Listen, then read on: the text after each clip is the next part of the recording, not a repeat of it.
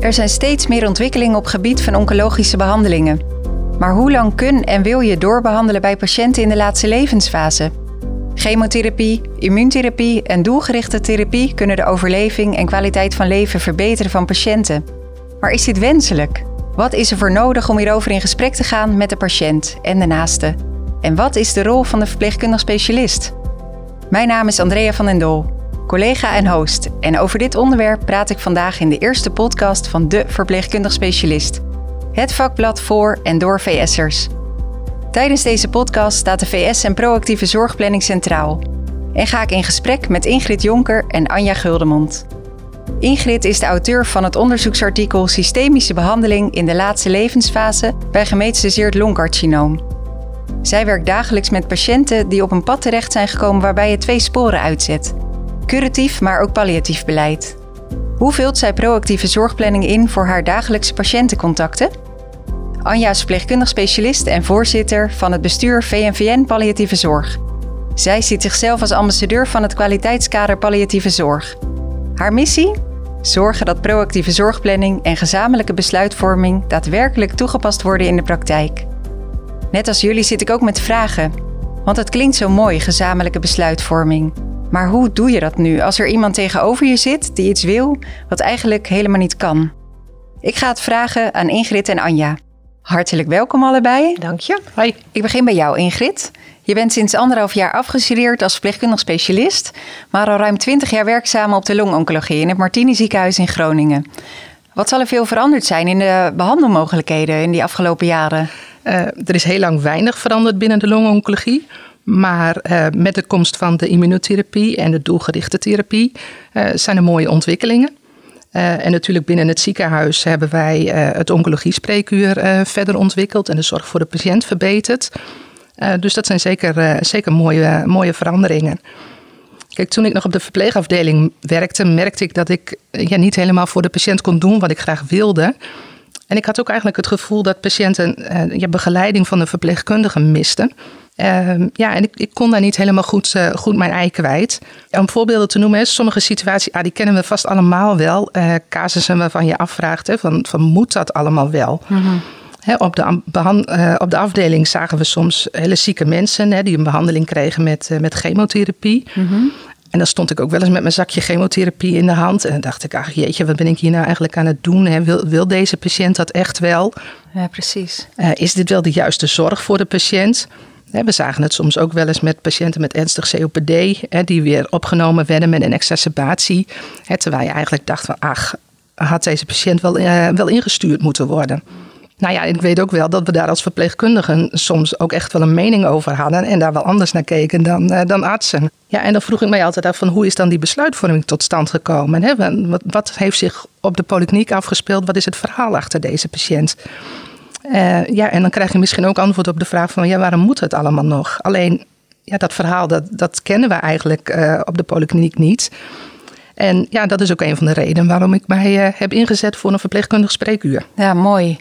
En nee, 20 jaar, wat ik al zei, dat is, dat is een hele tijd. Want, en ja, wat, wat trekt je nou zo aan binnen, die, binnen de longgeneeskunde? Ja, dat, dat, vind, ik, wel lastig. Dat weet ik eigenlijk ook niet zo goed. Maar um, ja, mijn hart gaat wel echt uit naar longoncologie en naar palliatieve zorg.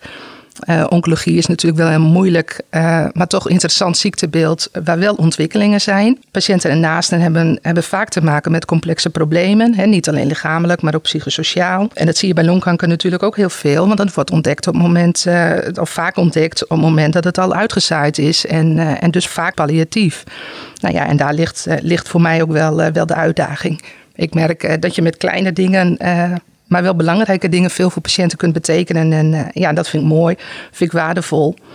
En ik merk ook dat patiënten behoefte hebben aan een vast aanspreekpunt. Uh, iemand die, die laagdrempelig bereikbaar is. Nou ja, dat, dat wil ik graag zijn en uh, dat vind ik belangrijk. Betrokken zijn, oprechte aandacht, dat, dat vind ik belangrijk. Ja, dat is zeker. Kijk, en nou ja, ondertussen hebben we de zorg uh, ja, verder, verder ontwikkeld. En dat doen we in een team met, met verschillende specialisten, maar ook met, uh, met andere disciplines, hè, als een psycholoog en palliatief team, waar we veel mee samenwerken. Er zijn ook twee verpleegkundige specialisten uh, nu bij ons op de polykliniek. Leuk. En ja, daarmee ja, werken we ook met z'n allen aan het verbeteren van kwaliteit van, van zorg. En dat is ook een, een van mijn belangrijke aandachtspunten. Je hebt het over dat twee-sporenbeleid, uh, maar ook over gemetastaseerd longcarcinoom. Hoe, uh, hoe wordt dat ingezet in de praktijk? Uh, ja, goede vraag. ja, misschien moet ik eerst even uitleggen nou ja, wat, wat, wat het twee-sporenbeleid eigenlijk, eigenlijk is en wat we daaronder verstaan.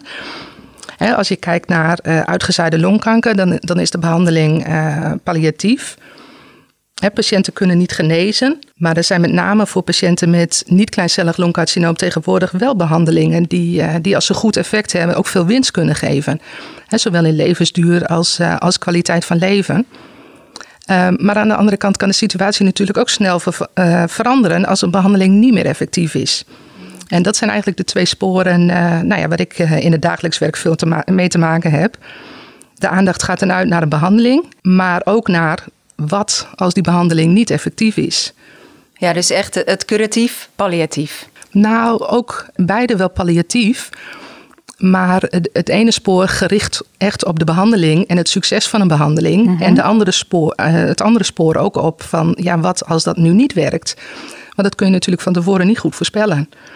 Ja, er zijn mensen die uh, het heel goed doen op een behandeling, maar natuurlijk ook nog steeds mensen die uh, ja, er geen baat bij hebben. Kijk, en die verschillende scenario's, die moet je bij aanvang van een behandeling natuurlijk wel op tafel leggen. En, uh, en helder bespreken. Ja. En dan ook belangrijk om natuurlijk goed aan te sluiten bij de patiënt. Wat is voor iemand echt belangrijk? Welke doelen stelt de patiënt met de behandeling? Van, van wat wil die daarmee bereiken? En dat kunnen wel hele andere doelen zijn als, als wat wij mhm. bedenken. Nou ja, goed. En, daar moet je een beetje, eh, ja, een beetje je weg in vinden. En kijk, om een voorbeeld te noemen, um, en wat ik tegenwoordig ook wel, wel zie op, op de polykliniek, hè, met, met de immunotherapie bijvoorbeeld. Hè, dat is een palliatieve behandeling. Maar op het moment dat patiënten er goed op reageren, um, dan kunnen ze ja, soms, soms een jaar, uh, soms nog wel langer uh, vooruit. En dat, dat vinden ze soms ook wel lastig. Hè? Een ernstige diagnose gehoord, je kunt niet meer genezen. Maar aan de andere kant wel een behandeling wat goed aanslaat. Maar toch altijd de onzekerheid en iets wat boven het hoofd hangt. Van goh, ja, maar stel als die behandeling is uitgewerkt en als die niet meer, uh, niet meer het effect uh, geeft. En uh, nou ja, wij ondersteunen patiënten daarin. Hè, vragen hoe ze het leven invullen, waar ze tegenaan lopen, hoe ze naar de toekomst kijken. Ja, precies, want dat perspectief dat, dat verandert dan ook ineens. Ja, ja, zeker. zeker. dat zijn ook eigenlijk de, twee sporen uh, nou ja, waar wij veel, uh, veel mee werken. Ja. en toen eh, ben je, je, je, bent de opleiding tot verpleegkundig specialist gaan doen, de MANP. En je hebt een mooi onderzoek gedaan naar patiënten met gemetastaseerd longcarcinoom en systemische behandeling in de laatste levensfase. Ook onderzochten jullie welke variabelen hiermee geassocieerd zijn. Je, je, hebt een heel mooi artikel geschreven samen met Marijke Karstemans, je docent van de MANP op de Hans Hogeschool in Groningen. En er wordt wel gezien dat ook een aanzienlijk deel van de patiënten, ook in jullie ziekenhuis, een systemische behandeling krijgen, dus ook in die laatste zes weken van hun leven.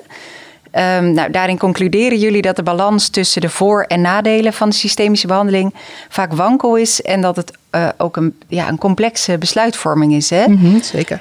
Um, nou, daarbij pleiten jullie ook voor onderzoek um, naar te eh, te palliëren klachten en welke patiënten voordeel hebben van palliatieve systemische behandeling. Um, kun jij iets, iets vertellen over je onderzoek en ook over die, die indicatoren?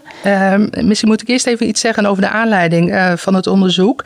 Want zoals ik al eerder aangaf, werken we binnen de Santion ziekenhuizen met, met value-based healthcare.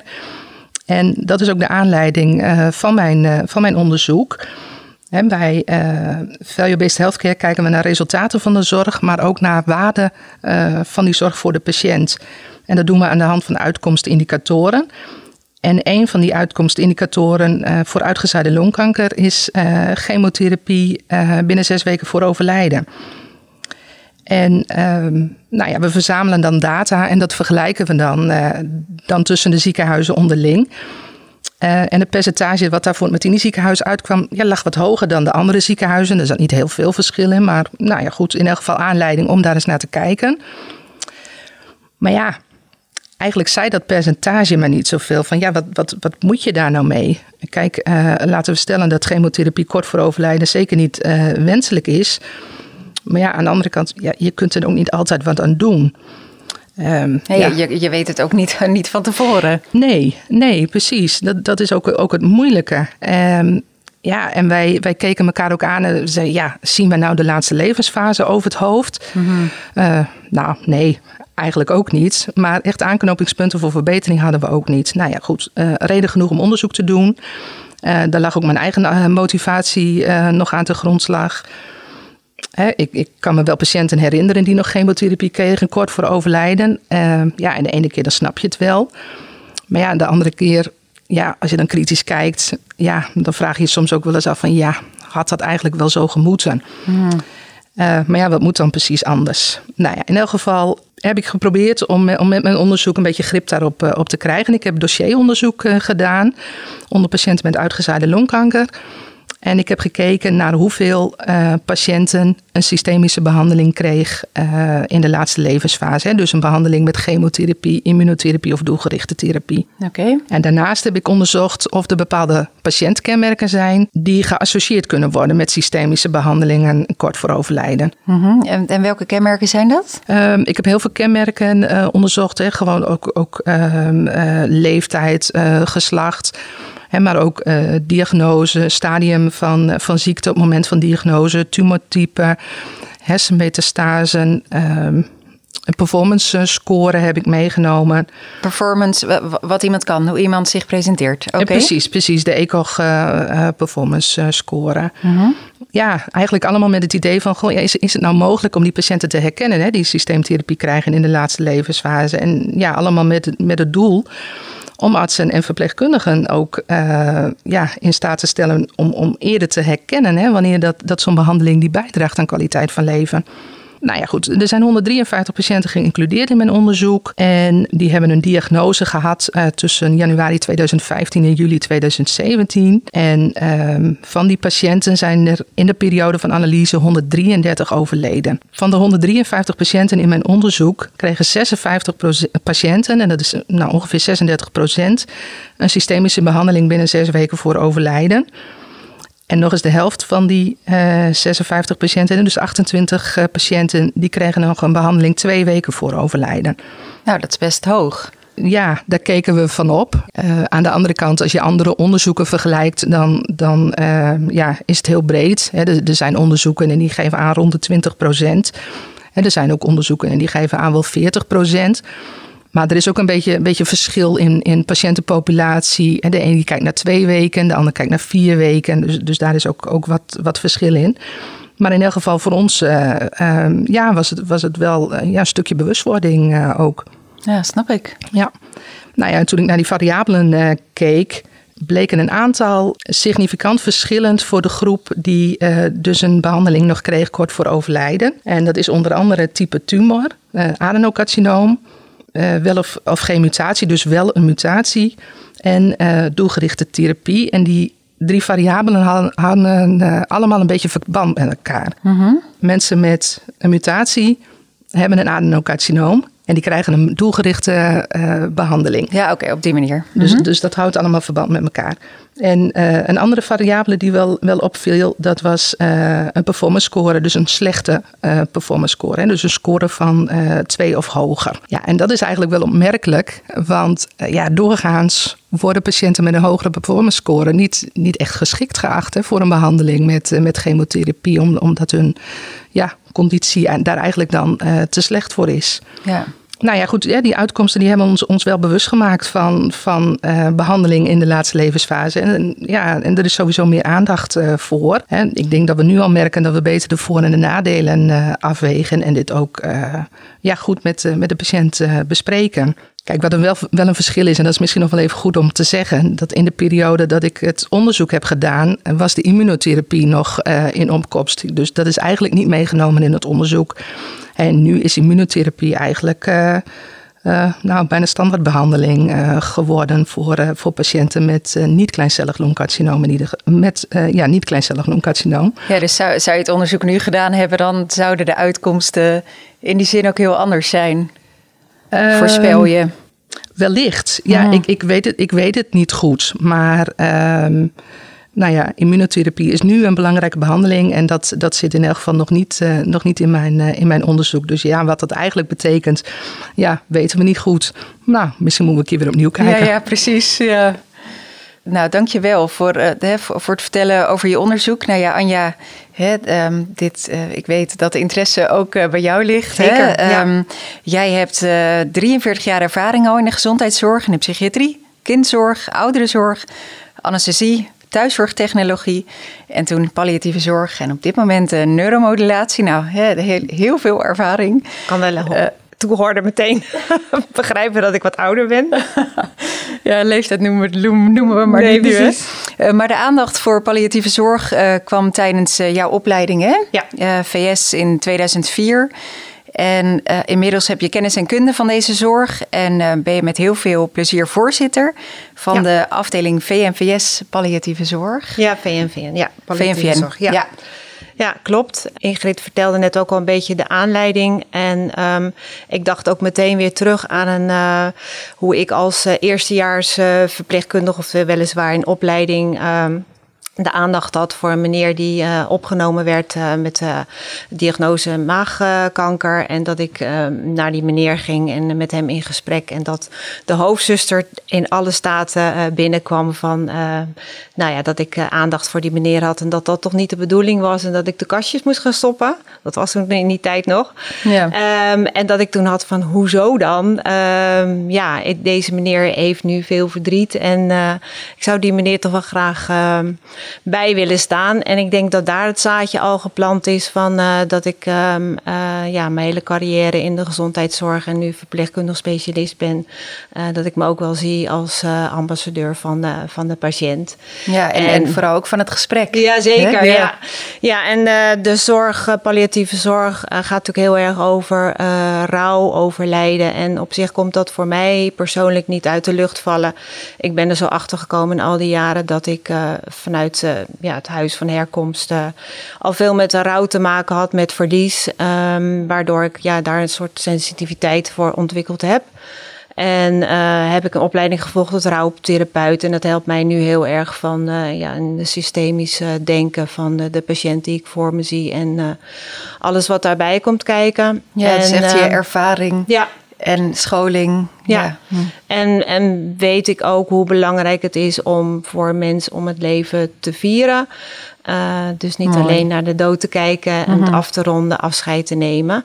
En uh, dat het voor de naast ook heel belangrijk is om goed afscheid te kunnen nemen. Dat zij weer verder kunnen met hun, uh, hun eigen of met hun leven en het verlies daarbij te kunnen integreren. Ja. En rituelen kunnen daar helpvol bij zijn. Mhm. En dan uh, vanuit de positie als uh, uh, voorzitter van de afdeling palliatieve zorg heb ik meegewerkt aan het kwaliteitskader palliatieve zorg Nederland. Dat is uitgebracht in 2017 in samenwerking met collega's vanuit de medisch specialisten, de patiëntenfederatie, geestelijke verzorgers, de NAG, Ferenzo, de zorgverzekeraars, psychologen. En dat kerkt ook, kenmerkt ook wel meteen van de palliatieve zorg dat het heel gaat over multidisciplinaire samenwerking. Ja, nou mooi dat zij daar allemaal bij aangesloten ja, zijn. Zeker, hè? ja. ja. dat is wel opvallend in de palliatieve zorg uh, dat eigenlijk uh, meerdere disciplines uh, erbij betrokken zijn en de patiënt um, zeker ook centraal gesteld wordt. Ja, gelukkig. Die, ja, zeker. en um, ja, als werkgroep hebben we de uitgangsvraag geformuleerd. wat vinden wij als vertegenwoordigers van patiënten en, na, en hun naasten? Want in de palliatieve zorg zeg je eigenlijk altijd patiënt en naasten. Dat Mhm. wordt er altijd meteen aangeplakt. Onlosmakelijk. Ja, precies. Uh, zorgverleners en zorgverzekeraars, uh, dat de kwaliteit van uh, palliatieve zorg in Nederland moet zijn. Nou, en um, ja, als, als verpleegkundig specialist verhoud ik me tot het spectrum palliatieve zorg door het verbinding van verpleegkundige en geneeskundige behandeling ten behoeve van de kwaliteit van leven en sterven. Dat Mhm. is onlos, onlosmakelijk met elkaar verbonden. Ja. Um, ik heb ook meegewerkt afgelopen jaar in interview aan het rapport Uitgezaaide kanker van de IKNL. En um, daar heb ik een interview gegeven. En voor degenen die geïnteresseerd zijn, is het misschien leuk om ook nog eens na te lezen van hoe ik daarnaar kijk. Ja, dus rapport Uitgezaaide kanker in beeld. Ja. ja. Oké, okay, 2020. Ja. Oké, okay. ja. duidelijk. En wat staat er in dat uh, rapport centraal? Um, da daar gaat het over dat er gekeken wordt um, dat, uh, uh, hoe heet dat, wat, wat het effect nu is van uh, de behandelingen van als de diagnose kanker uh, wordt gesteld, de behandelingen daarin. En als dan een, kijkt, één op de vijf patiënten die de diagnose kanker krijgt, uh, is de kanker uitgezaaid. Dus dat mm -hmm. zijn op jaarbasis 21.000 patiënten. En uh, later in het uh, ziektetraject kan het natuurlijk ook gemetastaseren. En dan heb je het over een uh, populatie van 38.000 patiënten per jaar. En de helft daarvan uh, leeft minder dan uh, zes maanden. En uh, het onderzoek laat zien dat de overleving eigenlijk amper is verbeterd in tien jaar tijd. Slechts één maand. Ja. Hangt ook wel een beetje van af van de um, gemetastaseerde kanker waar je het dan over hebt. Bij borst of prostaat of melanoom, daar is het absoluut verbeterd. Mm -hmm. um, en bij darm en eierstok is het iets verbeterd. En bij slokdarmblaas en uh, longen, daar is het eigenlijk nauwelijks uh, verbeterd. Ja. ja. En, en daar staat dus centraal wat er voor nodig is om de behandeling en de zorg uh, te verbeteren in dat rapport. Ja, dat gaat meer over die uh, uitgezaaide kanker in beeld. Dus uh -huh. dat er Mhm. gekeken wordt van, nou, wat, wat na al die, hè, waar, waar Ingrid ook over vertelt, van alle behandelingen, wat levert dat ons nu eigenlijk op? Ja. En in het kwaliteitskader, daar gaat het heel erg over, um, nou ja, dat we een aantal um, domeinen, zoals we dat dan uh, noemen, dus dat er kernwaarden en principes besproken worden. Het is ook onderverdeeld in een structuur en proces. En, daar, en ik zal eventjes iets verder gaan. Uh, de fysieke dimensie, de psychische dimensie en al die dimensies zijn daarin opgenomen. En wat eigenlijk belangrijk is in, om de bewustwording en de aandacht voor palliatieve zorg, dat het gaat over de structuur en proces. En dat begint eigenlijk bij markering. En dan gaat het over het stellen van de surprise question. Dus dat houdt in dat uh, je jezelf als zorgverlener afvraagt. Um, de patiënt die je voor je ziet, zou deze patiënt, of zou het mij verbazen als deze patiënt over een jaar uh, is overleden? Mm -hmm. ja, dat is een heel belangrijke vraag, ja, hè? Ja, precies. Ja. Je, je zegt dat je um, als ambassadeur graag wil dat dat gesprek wordt aangegaan. Hè? Niet alleen maar in de palliatieve zorg, maar ook in alle werksettings. Ja. Ja, want dat, dat gebeurt niet. of althans. Dat ja. zouden we heel graag willen. Ja, ja. Um, ja ik vind het altijd. Um, waarom we. Het puzzelt mij wel waarom we palliatieve zorg zo uh, verbijzonderen. Eigenlijk is palliatieve zorg gewoon goede zorg uh, verlenen en uh, respect voor de mens met zijn behoeften en waarden. Dat je daarnaar gaat kijken en dat centraal stelt. En we zijn natuurlijk, um, tenminste, dat gaat dan heel erg ook over de, um, in het kader van de palliatieve onderbehandeling en de curatieve overbehandeling. Uh, dat we ook wel een cultuur hebben ontwikkeld van uh, uh, doen en niet opgeven. Um, en gebrek aan cultuur om, om te praten over het, over het levenseinde. Mm -hmm. Dus dat heeft ook weer te maken met het lang doorbehandelen. Ja. Anja, en hoe vullen de generalisten en specialisten elkaar dan in de praktijk aan? Dat is een belangrijk item wat je benoemt. Palliatieve zorg kun je eigenlijk zien dat is ooit um, zo opgesteld dat palliatieve zorg generalistische zorg is. Oké, okay, dus Ingrid, in, in jullie ziekenhuis uh, wordt dat ook, hebben jullie ook een palliatieteam? Ja, en palliatieve zorg is, uh, is een belangrijk, belangrijk aandachtspunt. En ja, wij werken veel samen met, met dat team. Ja, ja en dat ja. is team is op afroep of bij een casus.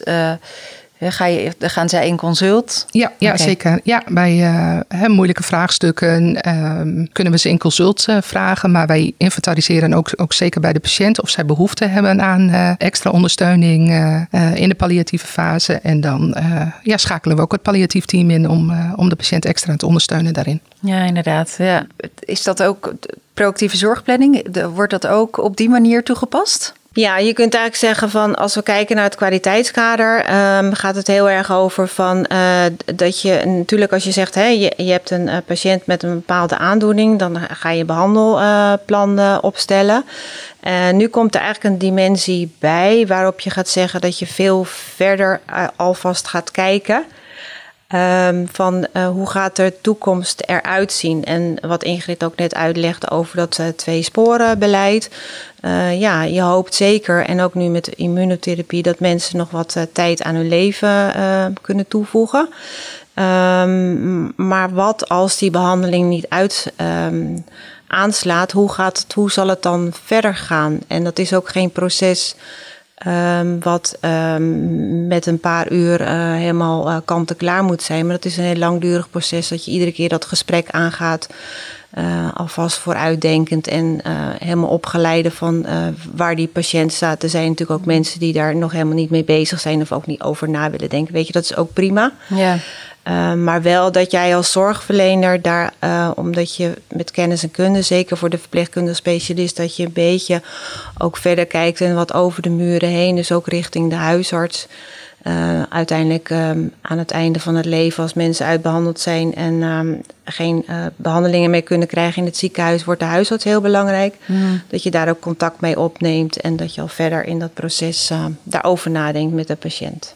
Ja, want uh, wat ik ook heb gezien is dat er uh, niet alleen maar binnen in jouw artikel, hè, er zijn natuurlijk meerdere artikelen verschenen, Ingrid, mm -hmm. uh, over chemotherapie ook bij maag- en slokdarmpatiënten in de laatste levensfase. Dat ook daar ruim een derde van de patiënten in de laatste zes weken nog is behandeld. Um, en nou ja, met immunotherapie, je noemde het net al even, nou ja, dat iets van 440 miljoen wordt per jaar uh, uitgegeven. Nou, dat moet ik ook een beetje in zijn verband zien. Ik weet niet hoe duur een behandeling, uh, maar goed. Uh, het, het, wordt in ieder geval breed toegepast bij patiënten. Mm -hmm. Nou, je, je, zei, je zei net ook in de praktijk, hè, die immunotherapie wordt steeds meer toegepast, of eigenlijk altijd. Wordt er nou met de patiënt ook duidelijk over gesproken of met het hele team van, nou, we passen dit nu toe? Maar wetend dat het wel de palliatieve fase is, weet patiënt dat hoe?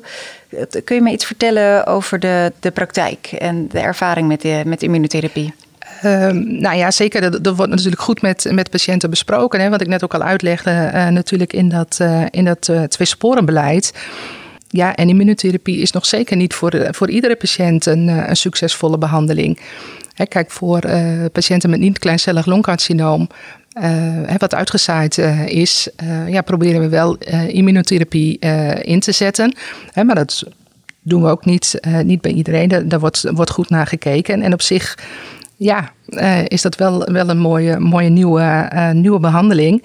Ja, daar schuilt ook wel een gevaar in. Want ik denk in algemene zin dat de behandelingen gewoon, behandelmogelijkheden gewoon toenemen. En uh, je, je, leest ook wel in onderzoeken, hè, de, de behandelingen worden ook agressiever, uh, worden complexer. Mm -hmm. uh, ja, dat, dat is ook wel een aandachtspunt om daar gewoon oog voor te blijven houden. En, en om ook die grenzen goed in de, in de gaten te houden. En ja, dan is ook altijd natuurlijk de vraag van, van ja, is chemotherapie bij vergevorderde ziekte altijd goede zorg? Nou, weet ik niet precies. Hè, maar het heeft natuurlijk wel raakvlakken met, met mijn onderzoeken. Kijk, en aan de ene kant heeft, nou ja, met name chemotherapie, maar ook immunotherapie, heeft, kan ook goed effect hebben hè, op de palliëre klachten, op, uh, op levens, uh, levensduur. Uh, hè, patiënten die, die veel pijn hebben of extra benauwd zijn, die, die, die kunnen baat hebben bij, bij zo'n behandeling. Ja, dat, dat, de klachten kunnen verlicht worden. Ja, zeker. Mhm. zeker hè. En in die zin hè, kan chemotherapie, maar ook immunotherapie bijdragen aan kwaliteit van leven. Maar behandelingen hebben ook bijwerkingen. En dat doet soms ook afbreuk aan, mm aan kwaliteit van leven. Ja, en dat is natuurlijk altijd iets wat je, wat je goed moet afwegen. En wat natuurlijk ook wel eens tegenvalt. Ja, want eh, hoe gaat dat zo in jullie team dan? Hè? Geeft dat, kan dat een gevoel van falen geven op het moment dat je zegt met elkaar we moeten stoppen? Uh, met behandelen? Um, hoe, hoe, wordt dat besproken in jullie team? Ja, goh, dat is een goede vraag. Wat zal ik daar eens op zeggen? Nou ja, op zich, het gevoel van falen, dat, dat herken ik zelf niet. Herken ik ook niet, niet bij ons, binnen ons team. We zijn uh, ja, wel heel erg uh, betrokken. Uh, laat ik vooral even namens mezelf uh, spreken, dat ik soms ook flink kan balen op het moment dat uh, ja, een behandeling niet effectief blijkt. Of wanneer het slechter gaat met een patiënt. Ja. Mm, dat dat lijkt me wel dat, ja, ja dat het ja, voor jezelf zeker. ook een impact heeft. zeker, ehm, ja, en daar, daar, daar kun je ook ja, emotioneel onder zijn, daar kun je verdrietig onder zijn. En nou, aan de andere kant vind ik dat ook niet gek, maar goed ook. Want uh, dat betekent uh, dat nog niet alles uh, helemaal normaal is geworden. En dat ja. je nog steeds onder indruk kunt zijn van, van bepaalde dingen. we ondersteunen elkaar daar ook in. zeker, we bespreken dat met elkaar. He, delen ook zorgen met elkaar. Van, goh, een patiënt heeft veel klachten. Ja, wat moeten we doen? ja, toch de behandeling stoppen? Of ja, wat vind jij? Mm. Dus dus zeker, zeker dat delen we met elkaar. en aan de andere kant ja, zijn we ook allemaal oprecht blij op het moment dat een behandeling effect heeft en, en, en iemand wel, wel goed gaat. Ja, en eigenlijk om daar ondersteuning aan te geven. Hè? Wat jij net vertelt, um, dat jullie gesprekken zo hebben, dan hebben, hebben jullie het als zorgverleners onder elkaar erover. En ik denk dat het goed is om patiëntenperspectief uh, niet uit het oog te verliezen. En dat gaat heel erg met palliatieve zorg. Ik um, heb wel eens bedacht van hoe kijk ik nu naar uh, de patiënt of de zorgvrager. En dan uh, om het te, visualiseren maak ik een, um, een x- en een y-as. En dat heb je vier vlakken. Dus dan heb je het over het lichamelijke, wat natuurlijk ja, vanuit de ziekenhuizen heel erg gekeken wordt, het biomedische model. Dus het gaat over de ziekte. Uh, maar het gaat zeker ook over uh, de zingeving, het sociale aspect en het psychologisch. En dat je niet spreekt met de patiënt, um, wat is uw klacht of hè, wat, is de aandoening, maar van hoe gaat het nu met u en wat betekent de ziekte voor u. En dat kan wel, denk ik, ondersteunend zijn hoe je als zorgverlener, hè, de doeners van we willen toch graag um, doorgaan en dat je dan op die manier dat je het wat breder trekt, dat je de patiënt in zijn totaliteit um, um, ja, kunt bekijken en met in, in gesprek gaan. Ja, ja en ook de, vanuit de patiënt zelf. Ja. Ja, en dan, dan gaat het ook heel erg over um, uh, samen uh, beslissen met de patiënt van uh, ja, dat de patiënt zeker een inbreng heeft. en dat je hem, hem of haar begeleidt. Ik sprak van de week met Jaddy Oskam. Zij is ook nou, patiënte en zij heeft een boek geschreven en dat heet Tussenland. En dat gaat eigenlijk over leven met de dood in je schoenen. En dat zij ook beschrijft van ja, dat je het in, het tussenland komt als je de diagnose uh, kanker hebt gekregen en gemetastaseerd en dat je eigenlijk de dood um, ja, ik wil niet zeggen in de ogen kijkt, maar het wordt dan wezenlijk anders zoals zij het ook beschreven. Hè? Van mm de, uh, ik zeg natuurlijk ook wel eens van ja, uh, we gaan allemaal een keer uh, dood. Als je geboren wordt, ga je ook een keer dood. En toen zei ze, maar dat is werkelijk wezenlijk anders. als je echt de diagnose krijgt, dan, dan, dan wordt het veel um, ja, vatbaarder. Of hoe zeg je dat? Ja, dan, mm -hmm. dan, ja. dan komt het, kom je het echt onder ogen. Ja, ja en zij heeft onderzoeken gehouden, of hoe heet dat, interviews gehouden met zowel zorgprofessionals ook als als patiënt. En zij, uh, zij heeft dat heel mooi beschreven. Ze heeft heel veel uh, meegedaan met uh, samen beslissen om vanuit de patiëntperspectief. En ik denk dat we dat als zorgverlener. en als verpleegkundig specialist natuurlijk -huh. ja, um, zeker mee moeten nemen. Um, om daar ja, de waarde aan te hechten. Oh, zeker, ja, is heel herkenbaar uh, ja. wat je zegt. Ja, ja. ja. ja ik, ik heb wel het idee dat er, dat er steeds meer over gesproken wordt en ook, ook meer over geschreven wordt. Ja, absoluut waar. Ik heb uh, uh, palliatieve zorg is eigenlijk in de jaren tachtig of daarvoor eigenlijk al. Cicely Saunders is een Engelse, is een grondlegster daarvan. heeft veel in hospice care gedaan. Um, en zo verlieven en in de tijd van de AIDS uh, patiënten, um, de, buddies, uh, is er heel veel aandacht gekomen voor die palliatieve zorg. En um, nou, vanuit VWS, wat ik al eerder benoemde, zijn hele projecten geweest. En dat ging heel erg over bewustwording. En ja, ik zie dan wel dat dat. Je, Google maar eens. Ik heb een keer opgezocht van hoeveel hits je wel niet krijgt als je toetst de palliatieve zorg. Er uh, worden boeken over geschreven. Er zijn steeds meer uh, artsen, uh, onderwerpen die dat ehm, aangesproken worden. van de week nou, we gaan de verkiezingen in. Um, dat ook iemand uh, vroeg van de politieke partij die wilde met huisartsen in gesprek over dat uh, he, uh, samen beslissen, besluitvorming. Mm -hmm. Dus er is een enorme beweging gaande. Um, en ook vanuit het patiënten, um, alleen de burger. Um, we zijn allemaal burgers en ook voor ons als zorgverlener is het, um, vinden we het belangrijk, maar de mensen moeten ook uh, mee daarin. Mm, ja, nou, ja, maar ik denk ook hè, buiten dat wanneer je het echt zelf opzoekt, dat het ook steeds meer naar je toe komt. Um, in, op zaterdag heb je Volkskrant Magazine. Ja. En nou, ik moet eerlijk zeggen dat ik echt als eerste uh, het uh, artikel uh, lees over afscheid nemen. En um, nou, onlangs ging het ook over, over een patiënt die. Um, nou ja, het uitgezaaide kanker, allemaal echt heftig en, en een heel kort traject. Ehm, maar die patiënt heeft dan tegelijkertijd een palliatief traject met pijnbestrijding, maar ook een experimenteel traject. En um, dat zat niet in de weg, het afscheid nemen. En nou ja, het, ik lees dit dan nu ook vanuit mijn eigen interesse. maar als ik naga dat zoveel mensen dat nu ook lezen, ja. hè, dan, dan nou, komt het daadwerkelijk dichterbij. Zeker, ja. ja. Even over de, de gezamenlijke besluitvorming. Hè, dat, dat noemde je net al. Mm Zo'n patiënt komt bij jullie in de spreekkamer. En nou ja, dat, als ik het net hoor, uh, dan zijn dat um, in een vrij korte tijd vrij intensieve gesprekken. Um, sommige patiënten zullen dat goed begrijpen, zich al vast hebben ingelezen. Maar er zijn ook patiënten die laaggeletterd zijn. Wordt er nou altijd begrepen wat jullie bedoelen? Ik heb um, ervaring opgedaan in, um, in, uh, in de Schilderswijk in Den Haag. Oké. En dan heb je natuurlijk ook al uh, je, je taalbarrière, uh, waarbij je dan een tolk kunt aanvragen. De, telefonisch of liefst natuurlijk een tolk die bij de patiënt is. -huh. Vaak wordt ook wel de familie ingezet om te tolken Alleen het is al zo heel lastig om als een dochter of een zoon uh, dat moet vertalen voor vader. Dat wordt vaak wat ingewikkeld, dus eigenlijk het liefst uh, met, een, uh, met een tolk. -hmm. En um, ja, mijn ervaring is, en zeker ook met andere culturen, maar ook wel laaggeletterdheid. Um, en dat denk dat je dat niet moet onderschatten van wat mensen begrijpen.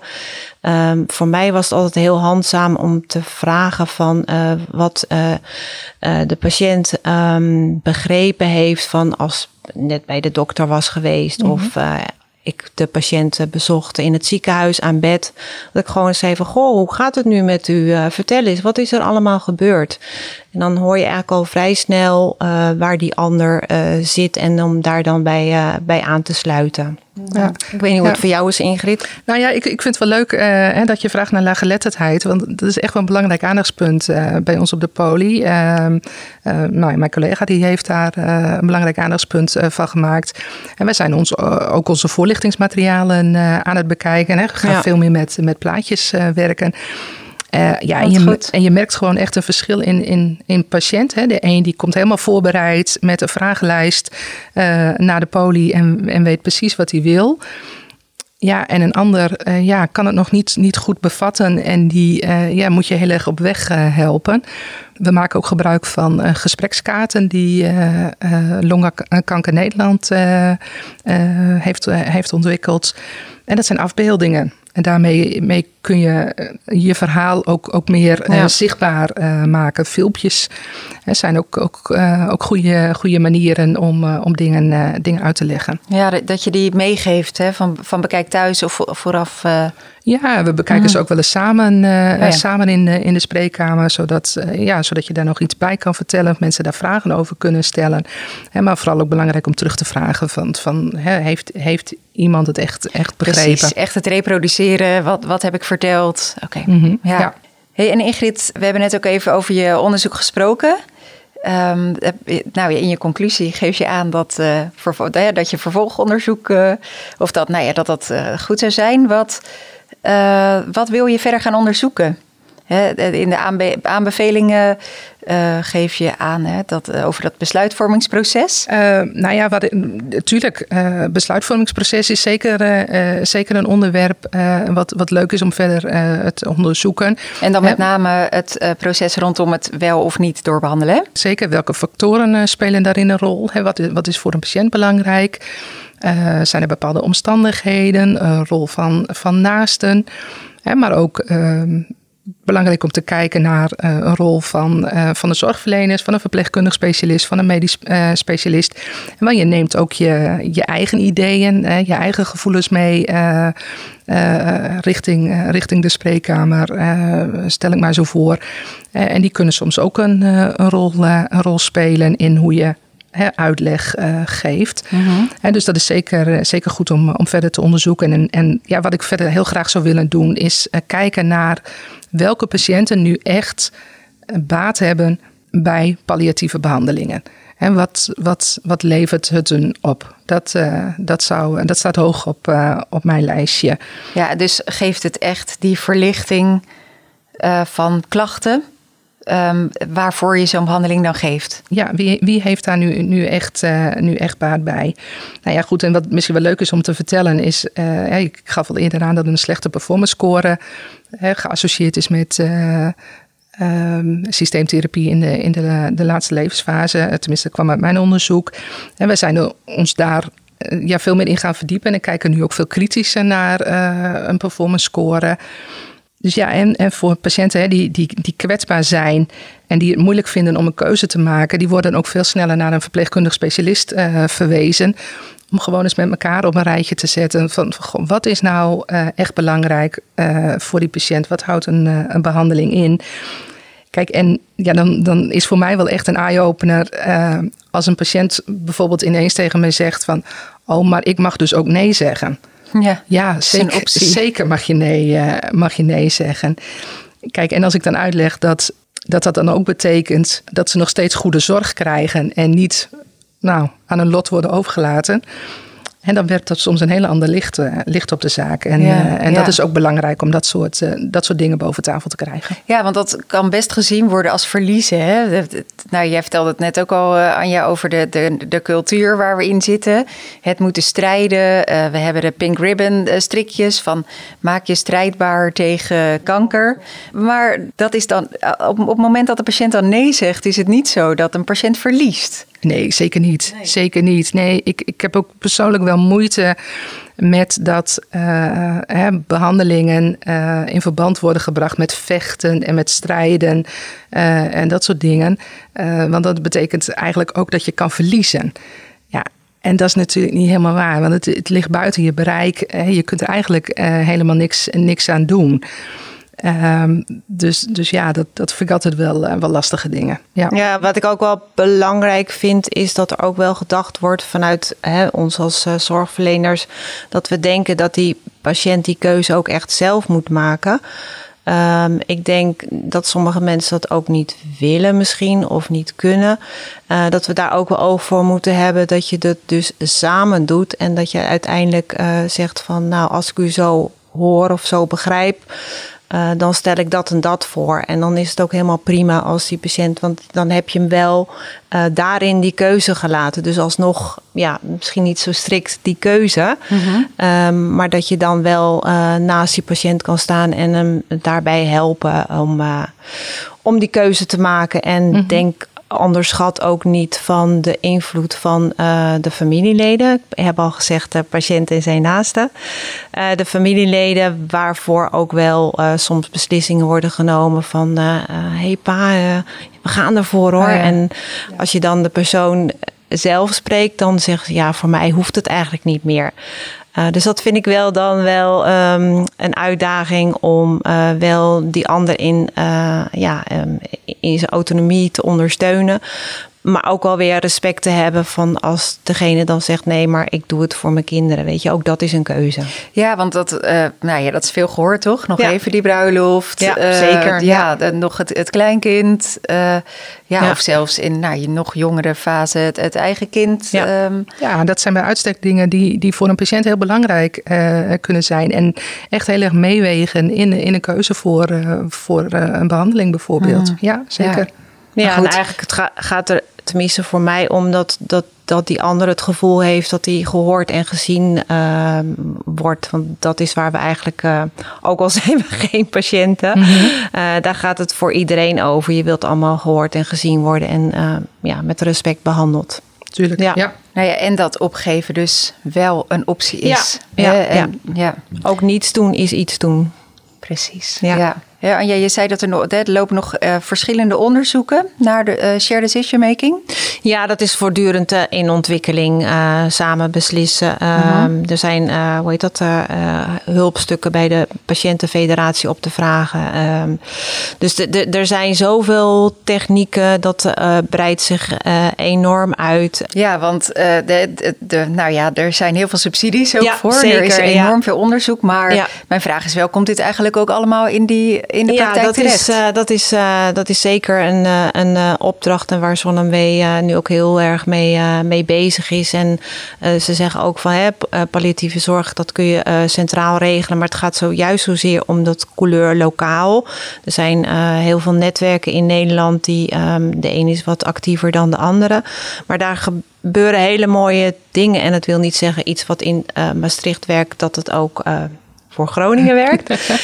um, maar ik denk wel dat je daar uh, kennis van uh, kan nemen en kan zeggen van nou dat uh, vind ik wel een mooi project. Of weet je, er, er is al zoveel onderzocht en het is nu eigenlijk de opdracht wel om als um, zorgverleners om te gaan kijken wat is er nou eigenlijk allemaal, wat bestaat er allemaal en wat kunnen we nu gebruiken voor onze eigen praktijk. Nou, wat ik hier echt aan meeneem is dat het belangrijk is de durf te hebben hè, om het bespreekbaar te maken in de, in de spreekkamer. Veel mensen zullen schroom hebben of worden geleid door een patiënt die er nog niet aan toe is. Mm -hmm. uh, maar ja, dat betekent niet dat je er niet meer over moet beginnen of sowieso niet over moet beginnen. Hè? Uh, niet alleen maar praten over de behandelmogelijkheden, maar juist ook het stoppen. Hè? Ja. Mm -hmm. Ja, en dat het ook niet een um, heel snel proces is. Dat kan zeker ook, hè, wat je zegt met de immunotherapie, dat mensen um, de hele tijd um, uh, kwaliteit van leven ervaren en de behandelingen goed aanslaan. En uh, ja, kanker is veel meer een chronische ziekte geworden. Ja. Maar dat je dat ook kunt begeleiden van door af en toe eens ja, een vraag te stellen van hoe, hoe, hoe, gaat het nu met u en hoe was het een paar jaar of een jaar geleden of nou, whatever. dat mensen ook zelf gaan nadenken. Ik denk dat het ook wel onze opdracht is om mensen ook zelf te laten nadenken. Mm -hmm. Wat ik wel heel erg geleerd heb is uh, uh, van Saskia Teunissen. Zij is hoogleraar palliatieve zorg in uh, Utrecht. En uh, zij zegt in een interview met ZonMW, uh, het gaat over het onzichtbare uh, zichtbaar maken. En dat kun je dan voorstellen van, hè, de, we, hebben, we kennen allemaal een ijsberg. Um, daarvan is 1 zevende of 1 vijfde is boven water. En dan gaat het over uh, de prognose. Het gaat over euthanasie, uh, reanimatie, orgaandonatie.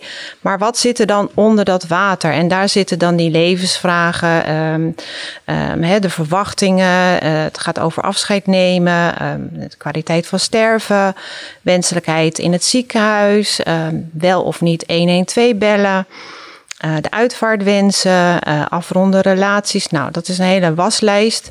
En ik denk dat het voor ons, of ik denk, ik vind dat het voor uh, de verpleegkundige specialist en zeker ook voor de mensen die um, in een palliatieteam werken, die daar de, de, de skills voor hebben om die vragen um, boven water te krijgen, letterlijk en figuurlijk. Mm -hmm. uh, dus dat bedoel ik met het onzichtbare uh, zichtbaar uh, maken. En ja, ik vind dat wel heel erg belangrijk. En dat je, we hebben het ook over gehad, dat het belangrijk is dat dat, dat je lef moet hebben om die vragen te stellen. Maar het gaat natuurlijk ook zozeer over van wie jij als uh, persoon bent, uh, als, als verpleegkundige specialist.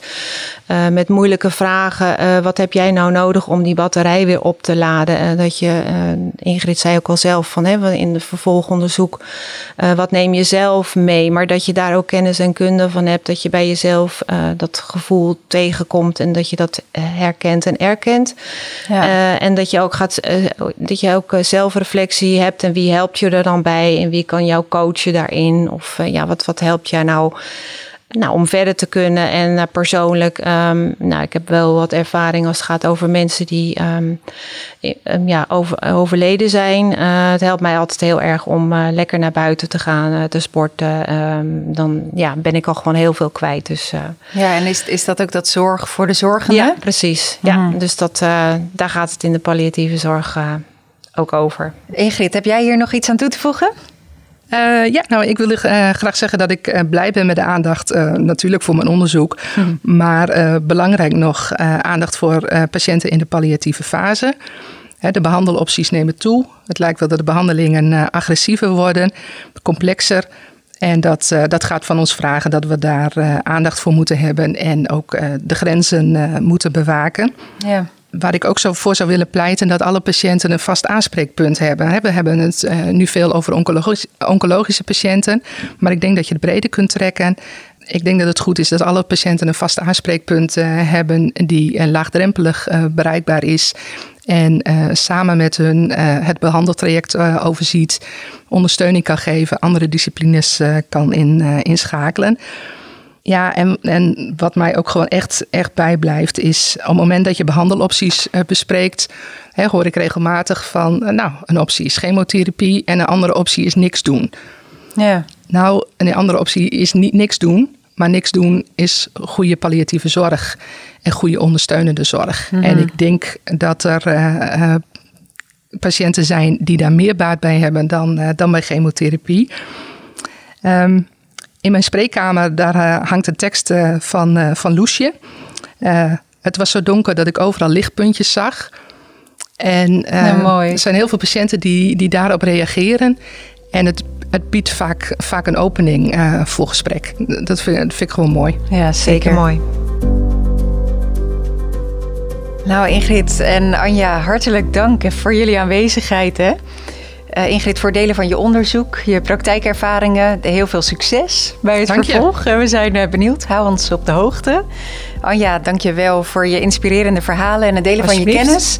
Um, nou ja, ook jij blijf vooral betrokken als ambassadeur. Ja, ja. Deel en ook daar zien we heel graag van terug. Dank je. Dit was de eerste aflevering van de Verpleegkundig Specialist podcast. Wil je op de hoogte blijven van een vervolg van deze serie? Abonneer je dan op je favoriete podcast-app. Daarnaast kun je ons ook volgen via de social media kanalen van onze beroepsvereniging VMVN VS. Heb je leuke tips, suggesties of vragen over deze podcast of vragen aan Anja of Ingrid? Stuur dan een mail naar redactie@vakblad-dvs.nl. Dank voor het luisteren en graag tot een volgende keer.